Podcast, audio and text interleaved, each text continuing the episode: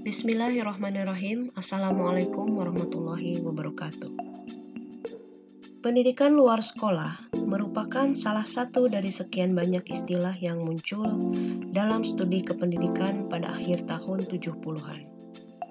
Istilah-istilah pendidikan yang berkembang di tingkat internasional mulai saat itu adalah pendidikan sepanjang hayat, pendidikan pembaharuan, pendidikan abadi, pendidikan non-formal, pendidikan informal, pendidikan masyarakat, pendidikan perluasan, pendidikan masa, pendidikan sosial, pendidikan orang dewasa, dan pendidikan berkelanjutan. Berbagai istilah itu kadang-kadang membingungkan orang yang mendengarnya atau mengacaukan pikiran orang yang belum menelusuri maknanya. Namun, setelah istilah-istilah itu tumbuh dan berkembang menjadi kenyataan yang memperkaya khazanah pendidikan, hal yang dapat disimak dari berbagai istilah pendidikan tersebut menunjukkan pentingnya kehadiran pendidikan selama alur kehidupan manusia. Di pihak lain, munculnya berbagai istilah pendidikan itu menunjukkan perkembangan penyelenggaraan pendidikan secara wajar dan luas yang memberi arti bahwa pendidikan itu tidak hanya kegiatan terorganisasi yang dilakukan di sekolah. Dengan kata lain, di samping adanya pendidikan di sekolah atau pendidikan formal, di dunia ini hadir dan berkembang pula pendidikan yang terjadi di luar pendidikan sekolah. Kedudukan pendidikan luar sekolah dalam sistem pendidikan nasional. Pendidikan luar sekolah sebagai peranata dan kegiatan. Pendidikan luar sekolah dapat dibedakan sebagai pranata atau institution dan sebagai kegiatan atau setting. Sebagai pranata, pendidikan luar sekolah merupakan fenomena yang tumbuh di masyarakat bersama pranata lain seperti ekonomi, hukum, dan budaya. Secara kelembagaan, pendidikan luar sekolah menjadi wahana atau mekanisme yang mempunyai struktur kelembagaan, peraturan, tugas, dan tata kerja. Di Indonesia, struktur kelembagaan pendidikan ini dimiliki oleh instansi-instansi pemerintah dan berbagai lembaga swasta yang bergerak di bidang pelayanan pendidikan. Di lingkungan instansi pemerintah, yang diberi tanggung jawab untuk membina pendidikan ialah Kementerian Pendidikan dan Kebudayaan Instansi-instansi lain, baik lembaga departemen maupun lembaga non-departemen, memiliki badan atau pusat yang bergerak di bidang pendidikan dan latihan.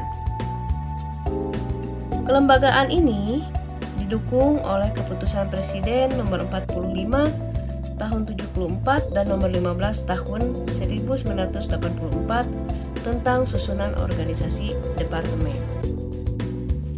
Berbagai instansi pemerintah menyelenggarakan program pendidikan sekolah dan atau pendidikan luar sekolah. Demikian pula berbagai lembaga swasta, badan dan kelompok di masyarakat melakukan pelayanan pendidikan baik pendidikan sekolah maupun pendidikan luar sekolah. Untuk kelancaran penyelenggaraan program pendidikan itu, maka peraturan, tugas, dan tata kerja telah dimiliki dan dilaksanakan oleh semua instansi dan badan penyelenggara pendidikan. Singkatnya, pendidikan merupakan organisasi formal yang memiliki identitas yang jelas dan mempunyai kaitan yang erat dengan sektor-sektor lain dalam kehidupan bangsa. Kedua, pendidikan luar sekolah sebagai kegiatan atau setting. Pendidikan luar sekolah menyangkut hasil dan proses kegiatan yang pertama, hasil kegiatan menggambarkan jumlah dan mutu lulusan program pendidikan. Jumlah lulusan merupakan kuantitas manusia yang dihasilkan oleh lembaga pendidikan. Mutu lulusan ialah tingkat kemampuan dan perilaku para lulusan yang ditampilkan oleh seorang atau kelompok orang dalam kehidupan di masyarakat dan di lingkungan kerja. Yang kedua, proses kegiatan. Menunjukkan upaya yang disengaja, terorganisasi, dan sistematis sehingga terjadi interaksi edukasi antara pihak pendidik dan pihak peserta didik untuk mencapai hasil mutu lulusan yang diharapkan. Secara lebih luas, pendidikan sebagai pranata dan sebagai kegiatan itu merupakan penjabaran suatu sistem, yaitu sistem pendidikan. Sistem pendidikan mengandung arti sebagai suatu jaringan atau organisme yang terdiri atas komponen-komponen yang saling berhubungan dan berproses untuk mencapai tujuan. Tiga bagian penting yang terdapat dalam sistem pendidikan yaitu tujuan, komponen, dan proses pendidikan. Interaksi fungsional antara semua komponen itu merupakan proses untuk mencapai tujuan. Suatu sistem dapat merupakan bagian dari sistem yang lebih besar yang disebut suprasistem. Dan di dalam suatu sistem bisa terdapat sistem-sistem lain yang lebih kecil yang dinamai subsistem. Satu sistem akan mempunyai kaitan erat dengan sistem-sistem lain yang terdapat dalam suprasistem. Kaitan antara sistem pendidikan dengan suprasistem pembangunan. Di Indonesia, sistem pendidikan nasional merupakan bagian dari suprasistem pembangunan nasional.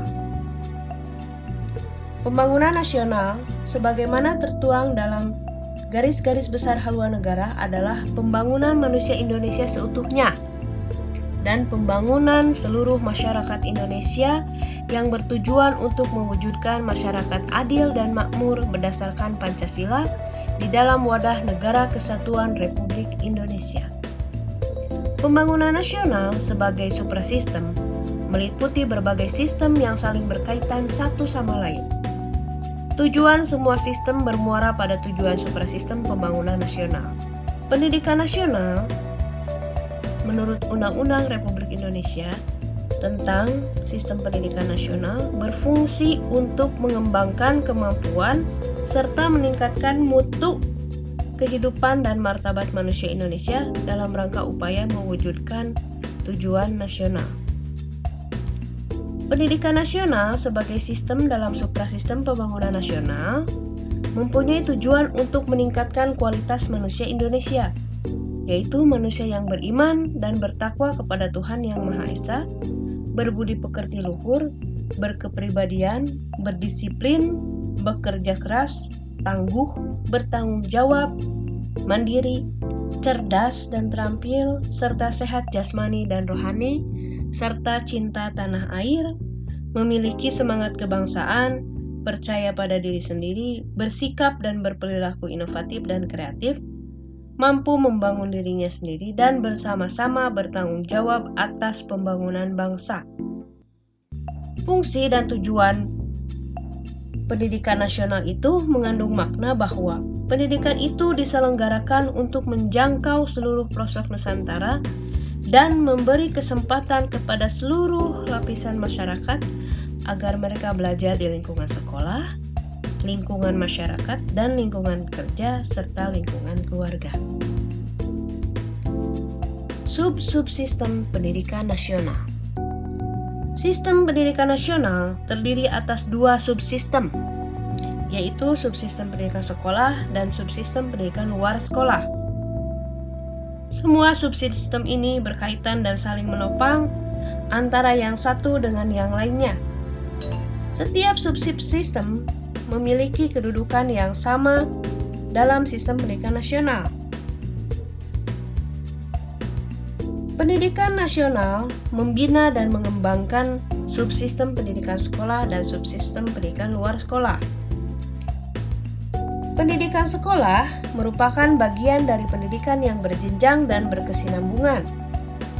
Pendidikan sekolah berjenjang sejak sekolah dasar sampai dengan perguruan tinggi memiliki aturan yang khusus dan seragam untuk setiap jenjang, bertingkat, mempunyai persyaratan yang ketat dan pada umumnya berorientasi akademik.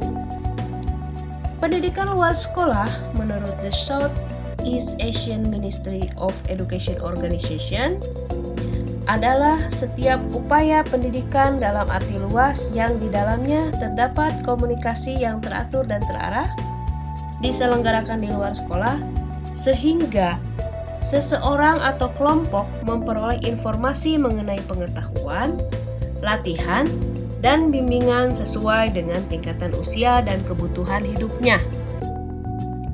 Tujuannya ialah untuk mengembangkan pengetahuan, sikap, keterampilan, dan nilai-nilai yang memungkinkan bagi seseorang atau kelompok untuk berperan serta secara efisien dan efektif dalam lingkungan keluarganya, pekerjaannya, masyarakat, dan bahkan negaranya. Menurut Undang-Undang Sistem Pendidikan Nasional, satuan pendidikan luas sekolah meliputi keluarga, kelompok belajar, kursus, dan satuan pendidikan yang sejenis.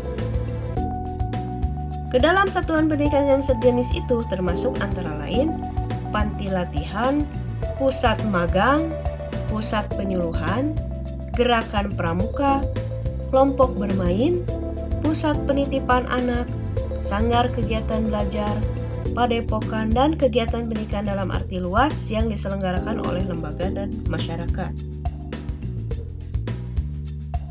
Keterkaitan antara ketiga lingkungan pendidikan dibina dan dikembangkan di atas prinsip konsistensi, kontinuitas, dan konvergensi atau TRIKON.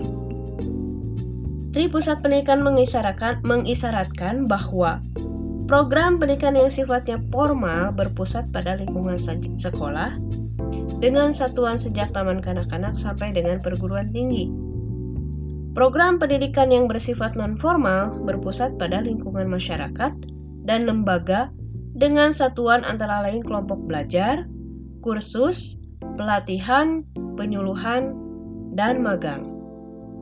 Program pendidikan yang bersifat informal menitik beratkan pusat kegiatannya dalam lingkungan keluarga dengan satuan keluarga.